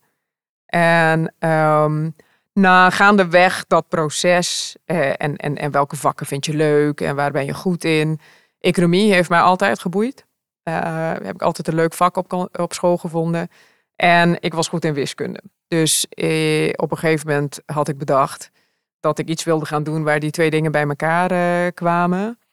En mijn vader, die was eh, ook heel erg van, ja, maar je moet ook iets met IT doen, want ja, dat is de toekomst. Dat gaat, uh, dat gaat de wereld veranderen. Bleek te kloppen. Ja, en uh, dus zo ben ik, uh, um, dat heette toen volgens mij bestuurlijk informatica. Dat was een, een propedeuse in Rotterdam samen met econometrie. Dus het eerste jaar was het een combi met econometrie. En ehm, daar ben ik ook mee gestart. ik heb dat eerste jaar ook afgerond. Maar ik kwam er toen wel achter dat ik het wel heel wiskundig vond. En dat zat er met name in het feit dat je heel veel de formules moest bewijzen. En ik wilde de wiskunde toepassen. Maar ja, dat kwam pas later. En het economische deel miste ik toen. En zo heb ik toen de overstap gemaakt naar uh, macro, algemene economie en daarna naar financiële economie. Was je al vaak in Nederland geweest? Ja, ik had uh, uh, de gelukkige omstandigheid dat ehm, mijn beide ouders in Nederland hebben gestudeerd en ook Nederland een fijn land vinden. Mijn vader, zijn zus woont hier en mijn moeder had hier ook familie. Dus wij kwamen regelmatig, om de twee, drie jaar, kwamen wij naar Nederland. Dus Nederland was niet helemaal onbekend. Maar naar Nederland komen op vakantie is toch heel anders dan naar Nederland komen om nou, te studeren. Weet je welk jaargetij die ook hier naartoe kwam? Nou ja, in augustus. Hè, dus, en, en weet je, ik kan me voorstellen, volgens mij heb je Ferens Lamp ook uh, geïnterviewd. Um, toen der tijd stapte je begin augustus, werd zo'n Boeing 747 werd gecharterd. En dat zat vol met studenten. Ja, zo vertelde hij dat. De, hoe noemde hij die? De bursale. ja, precies. De bursale vlucht. En nou, het was één groot feest. Ik bedoel, op airport was het een hoop drama en verdrietigheid van ouders. Maar ook bij, bij, bij degene die weggingen ook. Maar in dat vliegtuig zat je met al je vriendjes en vriendinnetjes. dus dat vliegtuig was nog één groot feest. Vervolgens kom je hier aan. En dan is het ook nog oké, want dan heb je een ontvangstcomité. Maar vervolgens word je uit elkaar getrokken en wordt iedereen naar zijn desbetreffende studiestad uh, gebracht. Totdat je je sleutel van je kamer krijgt. En, want dat is op zich wel, was toen redelijk goed geregeld, dat je meteen een kamer had. En dan zit je daar in je kamer en dan denk je, ja, hier staat niks. Ik ben hier alleen en ik heb vier muren om me heen. En ik kan naar buiten kijken, maar dit is het. En dan, eenzaam? Ja, dan begint het in te dalen van hé, hey, eh, ik moet hier een leven gaan opbouwen. Ik moet heel eerlijk zeggen dat ik mij, um, nou nooit, dat, dat, dat, is niet, dat klopt niet, maar in de beginfase helemaal niet eenzaam heb gevoeld. Omdat ik in de gelukkige omstandigheid was ook dat een aantal vrienden van mij ook in Rotterdam gingen studeren. In de eerste paar maanden hebben we ook een huis gedeeld met elkaar. Dus ja, dan zit je toch een beetje nog in je bubbel. Bij mij kwam het ehm, in, in het najaar eigenlijk met de kerst. En niet zozeer vanwege het weer en dergelijke. Maar mijn ouders en, uh, die waren vrij strikt. Hè. We hadden in Rotterdam had je in januari had je, je eerste tentamenperiode. En mijn vader die zei van, nou, jij komt niet naar Curaçao, want um, je moet studeren. En ik weet als je hier naartoe komt, komt er voor studeren in ieder geval niks terecht. Dus dan komt er van die eerste tentamenronde ook niks terecht. Dus je zei, je blijft lekker in Nederland. Nou, ik vond mezelf echt zo zielig. Want bijna iedereen om mij heen ging terug. Uh, uh, en ja, kerst en oud en nieuw is wel een hele leuke periode op Curaçao. Dus dat, en toen dacht ik van, hmm, dit is wel eventjes alleen en op je eigen benen staan. Maar gelukkig had ik familie in Nederland en uh, heb ik ook een leuke tijd toen gehad. Maar dat was eigenlijk het eerste moment dat bij mij indaalde van ja, je bent hier alleen. Het is toch anders dan wanneer je thuis bent. En was het dan gewoon, uh, je vader zei zo gaat het gebeuren, Joy ging het doen of ging jij in discussie? Nou, in die zin ging ik altijd met mijn vader in discussie. dus het was zeker niet zo uh, dat ik, uh, dat, dat ik um, weemoedig bij spreken ja zei. Ehm, maar goed, sommige dingen die waren zo. En kijk, uiteindelijk um, en dat is misschien wel zeker iets wat ik mee heb gekregen uit mijn opvoeding. Helderheid en duidelijkheid. Ze waren altijd wel helder en duidelijk. Eh, wel fair. Uh, en, en, en er kon ook heel veel. Maar nou, op sommige uh, momenten ja, was dit het. Ja. Je haalde al even Ferens aan uh, een van de eerdere afleveringen, relatief recent. En hij had het ook over Ruud Gullit complex. Die Ja. zei van, ik, eh, ja, je soort van discriminatie noemt mijn woorden hoor, maar een soort van discriminatie wel meegemaakt totdat je heel, eh, heel succesvol bent. En dan wil iedereen je, wil juist met je zijn. Ik doe even mijn woorden hoor, maar herken je dat of juist niet? Ehm, in iets mindere mate, maar ik herken het wel om me heen. Hè? Dus heel eerlijk gezegd, ik krijg best wel vaak de vraag van... eh, heb je dat ervaren in, sinds je in Nederland woont? Heel eerlijk gezegd niet. En misschien als ik er heel bewust op ga letten, eh, eh, is het er. Maar ik ben er gewoon totaal niet mee bezig. Dus in mijn, in mijn hoofd ben ik niet bezig met discriminatie. En ik denk dat dat ook voor zorgt dat je met een andere mindset wellicht naar dingen kijkt. Tegelijkertijd zie ik wel dat bijvoorbeeld eh, vrienden van mij, en met name mannen, toch, vaker bijvoorbeeld op Schiphol aangehouden worden. Hè, of dat ze een koffer moeten openmaken. Of eh, als ik met mijn broers reis, mijn broertje wordt er altijd uitgehaald. Terwijl ik altijd door mag lopen. Hè, dus, ehm, eh, dan, dus dat zijn wel momenten waarop ik het eh, ervaren heb. Ehm, maar zelf persoonlijk heb ik nooit vervelende situaties meegemaakt. Ja, dat is mooi. Gelukkig om te horen. Want, Ja. maar het lijkt alsof je als vrouw dan toch dit, dit gebied in ieder geval een voordeel hebt. Ja, ik weet het niet. Soms, ja, ja, waar het aan ligt, ik weet het eigenlijk niet. Nee. Eh, maar ik denk wel dat mindset ook wel een belangrijke rol speelt daarin. Je broers zijn die ook naar Nederland gekomen? Eh, ik ben de oudste. Mijn twee jongere broers hebben ook in Nederland gestudeerd. De een heeft rechten gedaan en de andere heeft informatica gedaan. Eh, mijn jongste broer is teruggegaan en mijn andere broer die, die is ook nog hier. Dus wij zijn, we zijn met z'n tweeën hier. Heb jij ook wel eens overwogen om terug te gaan?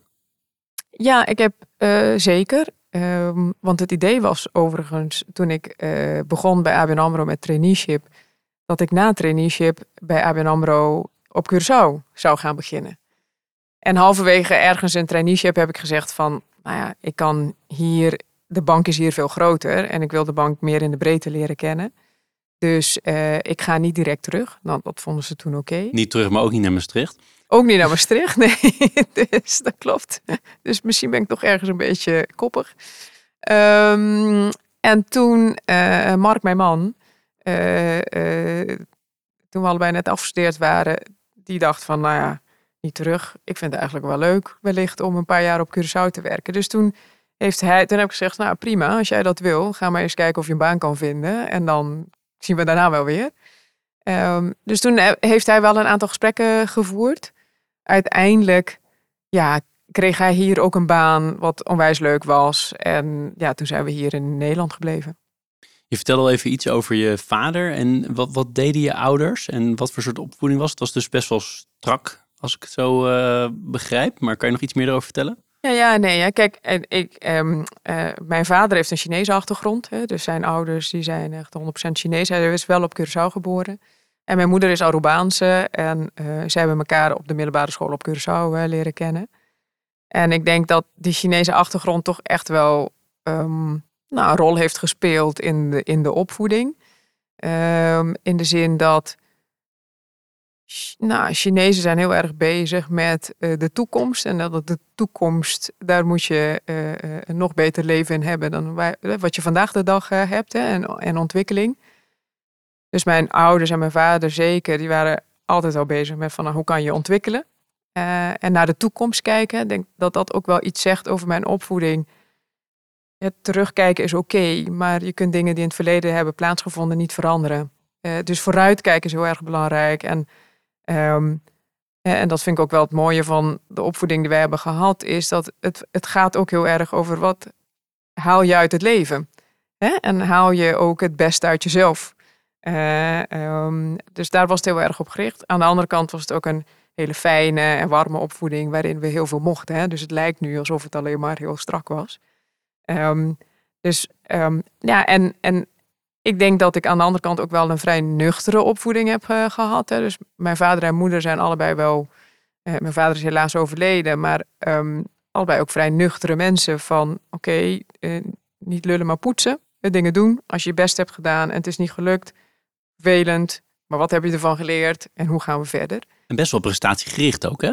Zo te horen. Ja, dat wel. Ja, ja, ja. Want ehm, ja, we zijn wel opgevoed met ehm, haal je het beste uit jezelf. Hè? En, en, ehm, niet zozeer uh, dat, dat weer niet, hè? want het is niet uh, competitief, hè? dus niet richting anderen, maar meer richting jezelf. En, um, Heb je dat nog steeds elke dag dat je dat ergens in je hoofd zit van ik moet weer alles uit deze dag halen voor mezelf? Ja, misschien niet zo bewust, maar ik ben wel bezig met van wat uh, heb ik nou waarde toegevoegd? Ook voor het bedrijf. Of uh, um, haal ik er het beste uit? of waar kan ik het beter, waar kan ik het beter doen? En de ene keer ben je daar bewuster mee bezig dan de andere keer. Um, maar ik denk dat dat ook een gezonde drive is. Kan me, kan me heel, erg, heel erg iets bij voorstellen. Hoeveel talig ben je opgevoed? Um, ja, officieel uh, Nederlands uh, op school.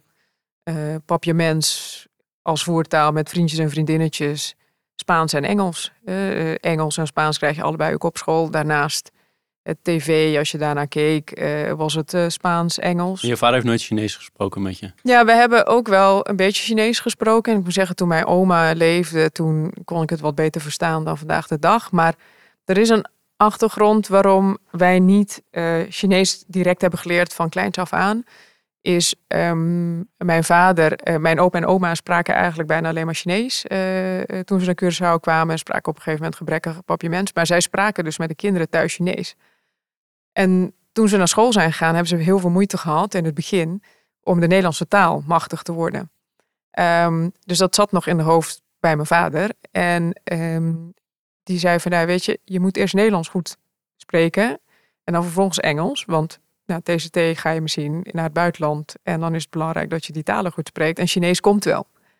En uh, je had op Curaçao een Chinese club.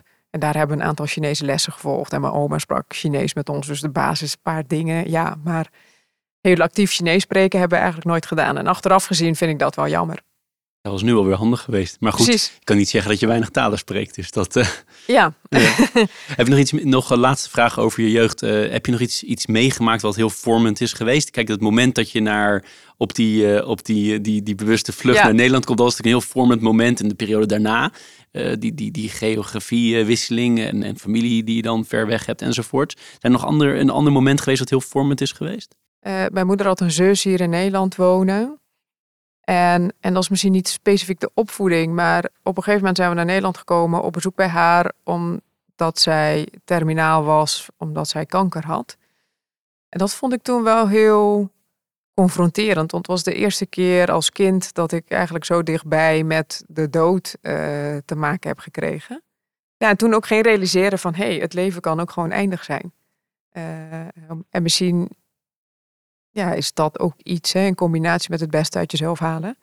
Uh, dat ik iedere keer denk van nou, je moet ook nu leven en nu besluiten nemen en nu de dingen doen die je heel graag wil doen en niet morgen.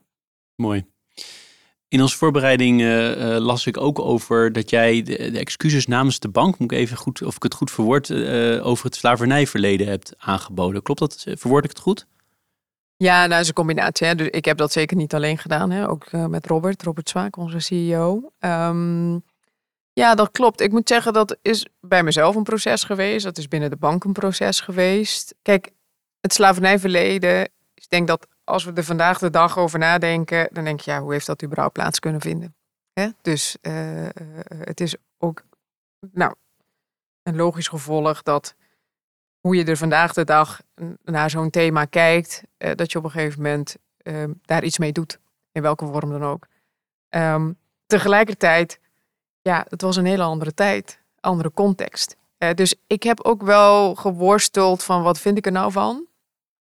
Ook omdat als ik kijk naar, um, nou, als je kijkt, als, als ik terug ga naar Curaçao en denk van hoeveel mensen zijn daar nou day-to-day -day mee bezig en daarmee zeg ik niet dat ze er helemaal niet mee bezig zijn, maar dan valt dat ook best mee. Hè? Dus discussies rondom Zwarte Piet, die waren hier bijvoorbeeld veel heftiger en actueler dan op Curaçao kwam Sinterklaas nog steeds met de boot aan met een Zwarte Piet wat zwart gesminkt was. Hè? Dus daar dacht iedereen van, joh, Nederland, waar maak je je druk over?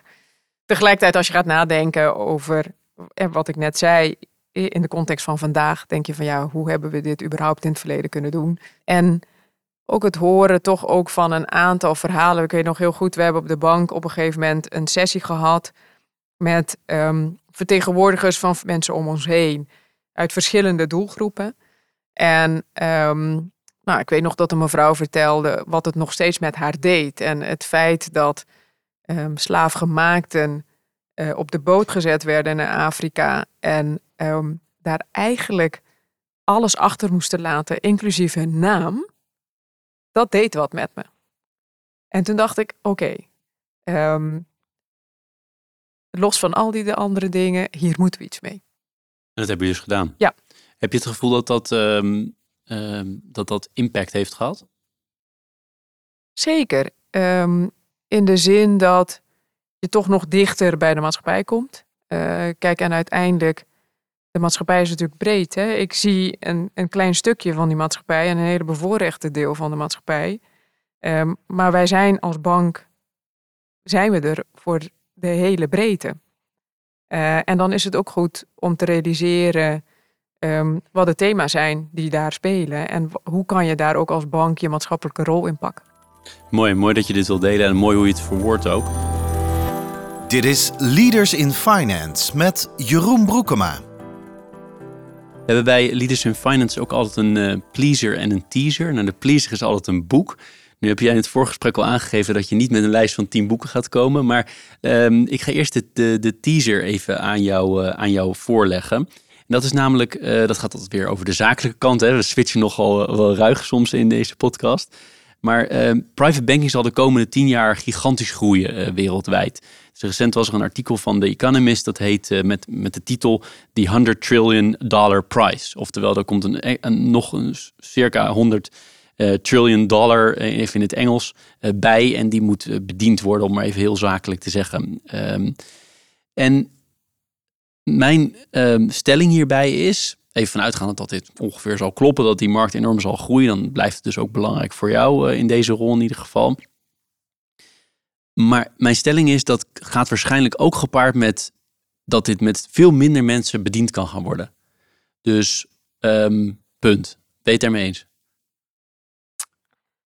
Nou, kijk, als je alleen maar naar de geschiedenis kijkt uh, en het bankvak, uh, voeren we vandaag de dag het bankvak uit met veel minder mensen. Hè? Dus met dat in je achterhoofd, even los van uh, uh, allerlei echt feitelijke waarnemingen en ontwikkelingen, zou dat ook heel logisch zijn dat je naar de toekomst toe dat dat ook gebeurt.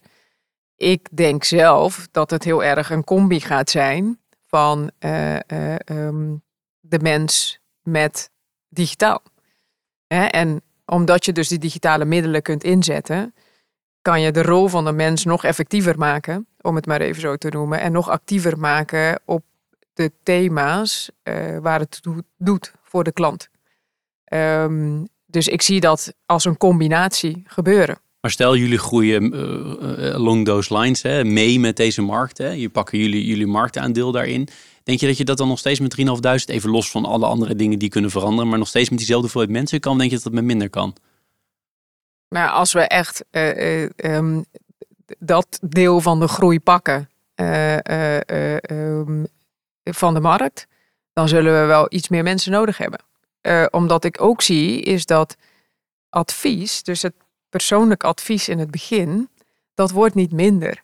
En wat ik ook zei, is dat de jongere generatie, die heeft ook behoefte aan dat advies. En um, so far, en misschien komt het op een gegeven moment wel, hè, uh, uh, zijn de digitale oplossingen die we hebben nog niet in staat om dat op te pakken uh, of op te vangen. Helder. Aan de pleasende kant, ik zei het al, je gaat geen boeken noemen. Wat is de reden daarvoor? Je leest je niet graag? Nee, ik lees heel graag. sterker nog, ik kan ook helemaal verliezen in een boek. Dat is misschien een reden waarom ik het nu niet veel doe. Omdat ik dan denk van, nou ja, ik ga liever dit boek lezen dan alle andere stukken die ik moet lezen. Nee, kijk, ik lees natuurlijk voor mijn werk onwijs veel. Uh, uh, en dat vind ik ook helemaal niet erg. Hè? Dus um, alleen, ik heb gewoon niet de tijd. Hè? Maar goed, dus, als je niet zou, geen baan zou hebben, zou je wel veel lezen. Ja, zeker. Zou ik veel meer lezen. Dat betekent niet dat ik helemaal niks lees. Hè? Dus ik lees de krant elke dag. Welke krant lees je? FD en The Economist en Nu.nl, Telegraaf, ook belangrijk. dus dat lees ik allemaal. Um, maar ik heb op dit moment weinig tijd en ook weinig rust om uh, elke week een boek te lezen of om de twee weken een boek te lezen. Je luistert wel graag, begreep ik? Ja. Of je, je leest ook graag, maar je luistert ook graag. Ehm, heb, je, heb je daar iets wat je met ons kan delen? Nou, ik moet zeggen, ik vind podcast en luisterboeken in die zin echt wel, eh, eh, echt wel interessant. Eh, eh, en, en, en mooie ontwikkeling, want dat kan je tussendoor doen. Hè? Als je in de auto zit, eh, als je gaat douchen, nou noem het, eh, noem het maar op. Ik moet zeggen, ik luister veel podcast over actuele ontwikkelingen. Nu over geopolitieke ontwikkelingen. Maar ik, lees, ik, ik luister bijvoorbeeld ook bijna elke dag de podcast van BNR over de financiële markten. Of over de beurzen, ik weet niet precies hoe het heet. Dan zit het zoals een favoriet in mijn telefoon. Dus dan weet je niet eens meer hoe dingen heten. Gaat automatisch een knop ga naartoe. Maar ik ben nu ook met een, een, een luisterboek bezig van uh, Maaike Tijken heet ze even uit mijn hoofd. En dat gaat over cultuur. Een cultuurdingetje heet het. Um, en dat cultuur, um, ja, we praten vaak als cultuur alsof je dat heel planmatig kan aanpakken. Uh, maar ze heeft het erover dat de cultuur ook in de tapijt en de gordijnen van een bedrijf uh, en of een omgeving, samenleving, hè, de cultuur is natuurlijk breed, uh, zit. En ja, dat integreert me wel. Maar impliceert dat dat je cultuur eigenlijk bijna niet kan veranderen dan? Nee, nee, helemaal niet. Hè, maar het, het, het gaat erover dat je bewust bent waar het allemaal in zit. En het zit vaak in de dingen die je niet meteen eh, misschien wel ziet, maar niet bewust waarneemt van hé, hey, dat is ook onderdeel van de cultuur. Wat grappig. En hoe, hoe verander je het dan? Als jij, uh, je hebt allerlei rollen gekomen waar je ook cultuur enigszins wilde veranderen waarschijnlijk. Um, hoe, hoe pak jij dat aan? Nou, kijk, ik denk dat het altijd heel belangrijk is om um, nou, duidelijk te zijn van waar sta je voor, hè? wat voor persoon ben je. In cultuur vind ik, heel veel mensen praten over cultuur, maar het gaat ook heel over van wie ben je, wat vind je belangrijk en hoe doe je dingen, hè? wat is je aanpak. Kijk, ik kan bij wijze van spreken zeggen dat, uh, um, ik noem maar even wat, ik een lang leven cultuur uh, heel belangrijk vind. Maar ik zit niet zo in elkaar. Ik ben een redelijk gedisciplineerd persoon. Uh, uh, ik vind het belangrijk om bepaalde doelen te realiseren. Ja, als ik dan zeg van ja, lang leven de, lang leven de tijd en je mag alles doen wat je wil, geloven ze me toch niet. En dit is misschien een gek voorbeeld, maar dus de cultuur die je wil staat ook heel dicht bij jezelf en bij de uitstralingen waar je voor staat. En dat is belangrijk. Helder. Maar die cultuur bij ABN AMRO is denk ik enorm veranderd, toch? Toen het een bedrijf was met iets van 100.000, wat je ook nog hebt meegemaakt.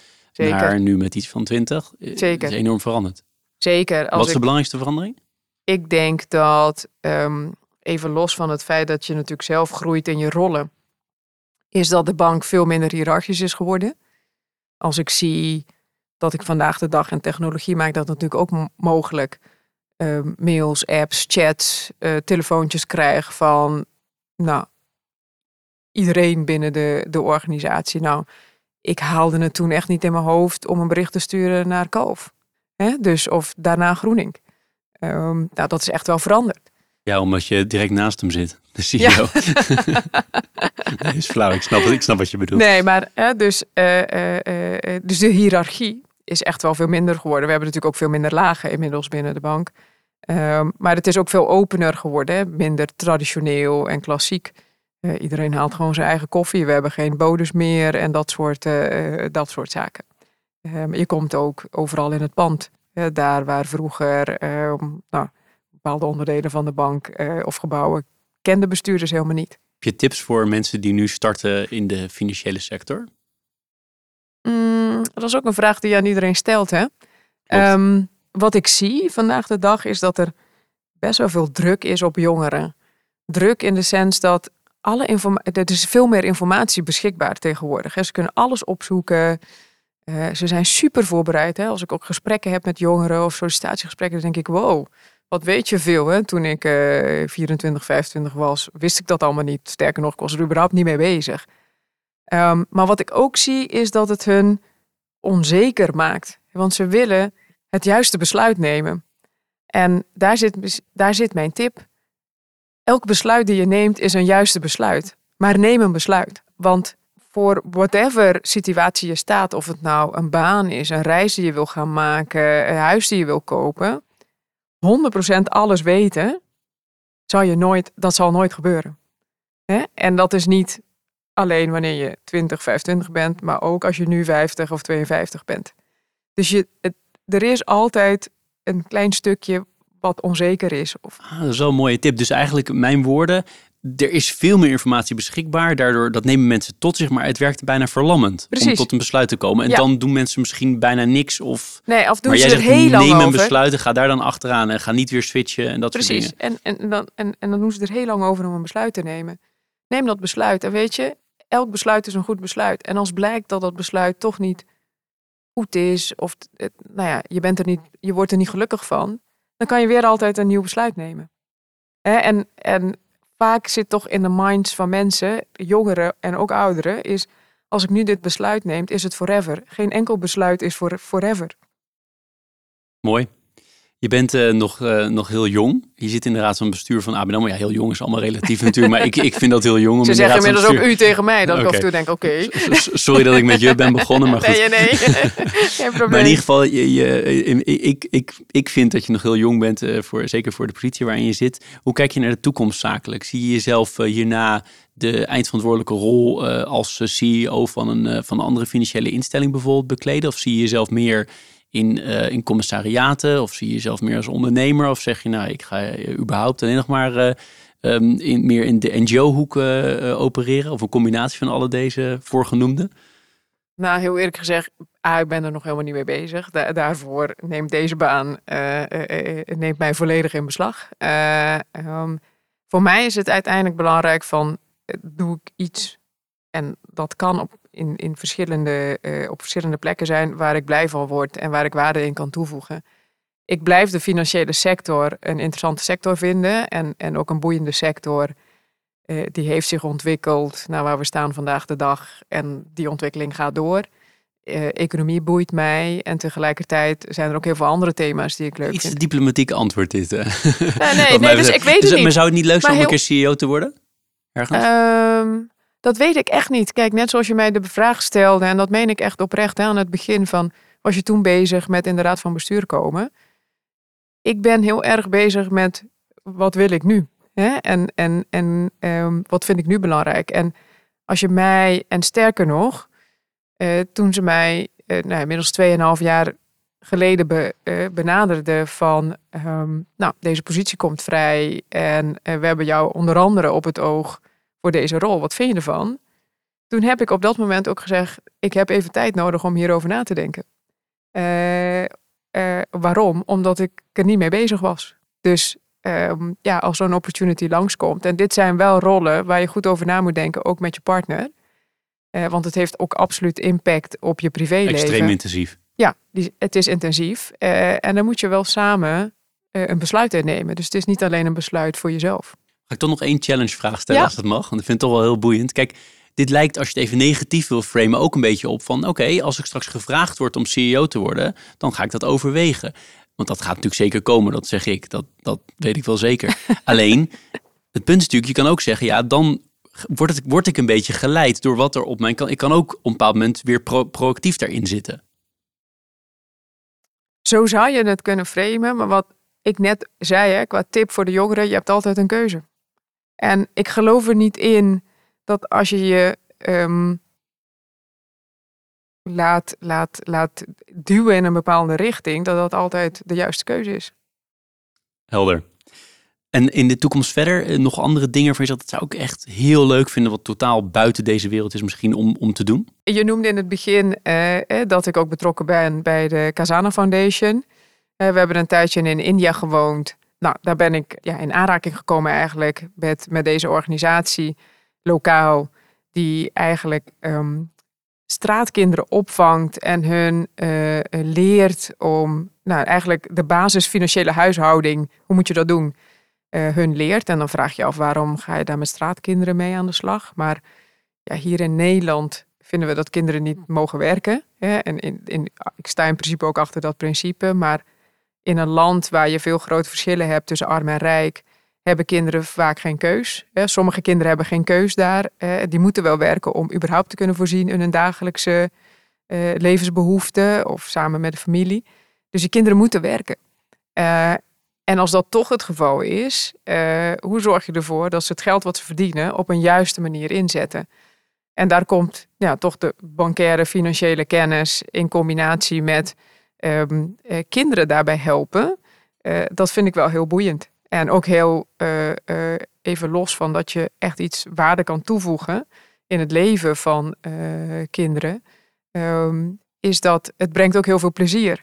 Ja, het is heel leuk om te zien hoe creatief deze kinderen zijn hè, om geld te verdienen. En hoe ondernemend zij zijn. En hoe wij hebben het vaak binnen de bank van we moeten meer streetwise, street smart worden. En dan denk ik, ja, street smart, streetwise zit daar. Hè. Het, zijn, het is echt heel leuk om te zien. Mooi. En dat zou ik wel meer willen doen. Ja, dat soort, dat soort rollen. Laatste twee vragen van mijn kant. We hebben al een tijd zitten, tijd zitten praten. We kan overigens nog uren doorgaan met gemak. Uh, omdat ik het ontzettend leuk vind om, uh, om dit allemaal van je, van je te horen. Ik heb nog een vraag over, en die past eigenlijk per naadloos uh, toevallig bij wat jij net beschrijft. En het gaat over jouw klantengroep. Hè? Ja. Dat is ook wel een groep die natuurlijk, mij een beetje hoe ik er naar kijk, heel veel geld heeft, heel veel vermogen heeft. Heus niet minder zorgen heeft, maar vaak andere zorgen dan, dan, dan de meeste mensen in Nederland. Hè? Het blijft toch een elitair clubje wat jij bedient. Um, heb je soms ook dat je denkt, ja hallo, wat, wat, waar, waar gaat dit over? Deze mensen die maken zich zorgen over nog een miljoen extra of minder. Ja, natuurlijk gaat dat af en toe door je hoofd. En zeker als je met die kinderen, waar, sorry, ik moet nog even uitleggen wat de link was. Ja. Met, maar zeker als je over die kinderen hebt die voor een paar, nou, 10, 20 cent per dag proberen wat, wat bij te, te verdienen om überhaupt te kunnen eten. Ja, natuurlijk denk ik dat af en toe. Tegelijkertijd is het ook zo, hè, want dat is misschien toch wel iets er is natuurlijk een imago rondom deze doelgroep. Maar wat ik ook wel heb gezien in de afgelopen jaren. Het grootste deel van deze doelgroep heeft zijn geld verdiend door zelf keihard te werken, in welke vorm dan ook. Een bedrijf op te zetten, risico's te nemen, eh, verantwoordelijk te zijn eh, eh, voor een groot bedrijf, met daarbij ook de verantwoordelijkheid voor heel veel medewerkers en heel veel, gezinnen die afhankelijkheid hebben. Um, of um, nou, mooie posities hebben, uh, hebben um, of nog steeds in zitten in verschillende rollen in de maatschappij. Hè. Dat kan corporate leven zijn, bedrijfs, overheid, nou, noem ze allemaal maar op. Dus het zijn mensen die niet zomaar aan hun vermogen zijn gekomen. Ik denk dat er, er, is misschien ergens nog iets leeft er van, nou, het komt ze maar aanwaaien. Het is hun ook niet aankomen waaien. En, en daar zit misschien ook, gek genoeg, uh, uh, het vergelijk met uh, de straatkinderen, het komt hun ook niet aanwaaien. dus ze zijn zich heel erg bewust van het feit van hoe ze, tot hun, met, hoe ze hun vermogen bij elkaar hebben gebracht. Oké, okay. dus het is, wel, het is wel een hele geprivilegeerde groep natuurlijk. Um, en je kunt zeggen, ja, deels hebben ze het echt zelf gedaan. Deels is het natuurlijk ook omdat ze gewoon heel slim zijn. En dat deels vanuit huis hebben meegekregen of opvoeding, al dat soort dingen. Maar jij zegt eigenlijk van het is, het is niet een groep die verwend is in ieder geval. Je hebt altijd extreme, maar laat me het zo zeggen, over het algemeen de gemiddelde klant is zeker niet verwend. Sterker nog, ik durf wel te zeggen dat de gemiddelde klant, als je die op straat ziet lopen, je niet herkent als zijnde een zeer vermogende persoon. Laatste vraag van mijn kant na dit ontzettend leuke gesprek tot nu toe. En ik ga je daar zo uitgebreid voor bedanken. Maar heb jij nog iets, Joy, waarvan je zegt, ja Jeroen, ja, je hebt heel veel gevraagd, maar toch dit had ik graag willen delen? Um, nou, misschien. We hebben er even heel kort uh, uh, aan geraakt. Hè. Je, noemde, je vroeg aan mij van, goh, hey, hoe zit het met de diversiteit in, jou, uh, in jouw teams? En um, nou, ik moet zeggen, het was geen thema voor mij waar ik heel actief mee bezig was in de beginfase van mijn carrière. Um, en ik vond, weet je, je moest je best doen. Je moest, laten, je moest goed presteren, waarde toevoegen, zelf ook veel leren. En dan komt het vanzelf. Um, en ik vond die discussies over man, vrouw. En ik dacht, ja, weet je, dat een hoop gedoe. Uh, doe gewoon je best. En het zijn ook keuzes die je maakt. Het zijn ook bewuste keuzes die je maakt uh, hierin. Of je wel of niet wil werken. Um, en totdat op een gegeven moment, uh, ook binnen de bank een oud-bestuurder, in dit geval Carolien Prinsen, tegen mij zei: Ja, maar Joy, soms moet je dingen ook vooruit duwen en afdwingen. En het is nou eenmaal zo dat um, als je dat niet doet, je sommige dingen niet voor elkaar krijgt. En dat ging toen over de verhouding man-vrouw. En dat heeft me toen wel aan het denken gezet. En dat is ook wel het moment waarop ik veel meer met het thema, bewust met dat thema uh, uh, aan de slag ben gegaan. Uh, in eerste instantie binnen de bank. En nu ook als bestuursvoorzitter van Talent naar de Top. Um, om, ehm, nou, om, ons, het bedrijfsleven hier in Nederland, om die inclusiever te maken. Want dat zie ik wel, is dat niemand is tegen diversiteit. Maar diversiteit in de praktijk is best ingewikkeld. En het is ook heel hard werken. Want echt diverse teams betekent dat je eh, verschillende meningen hebt, even los van man-vrouw, verschillende meningen hebt. Uh, uh, maar het begint ook bij man-vrouw. Die zitten vaak anders in de wedstrijd. Dus je moet als leider of als manager, moet je daar ook die ruimte geven. Maar dat betekent dus ook, dat je soms langer discussies hebt met elkaar en dergelijke, om tot uiteindelijk een gezamenlijk besluit of visie te komen.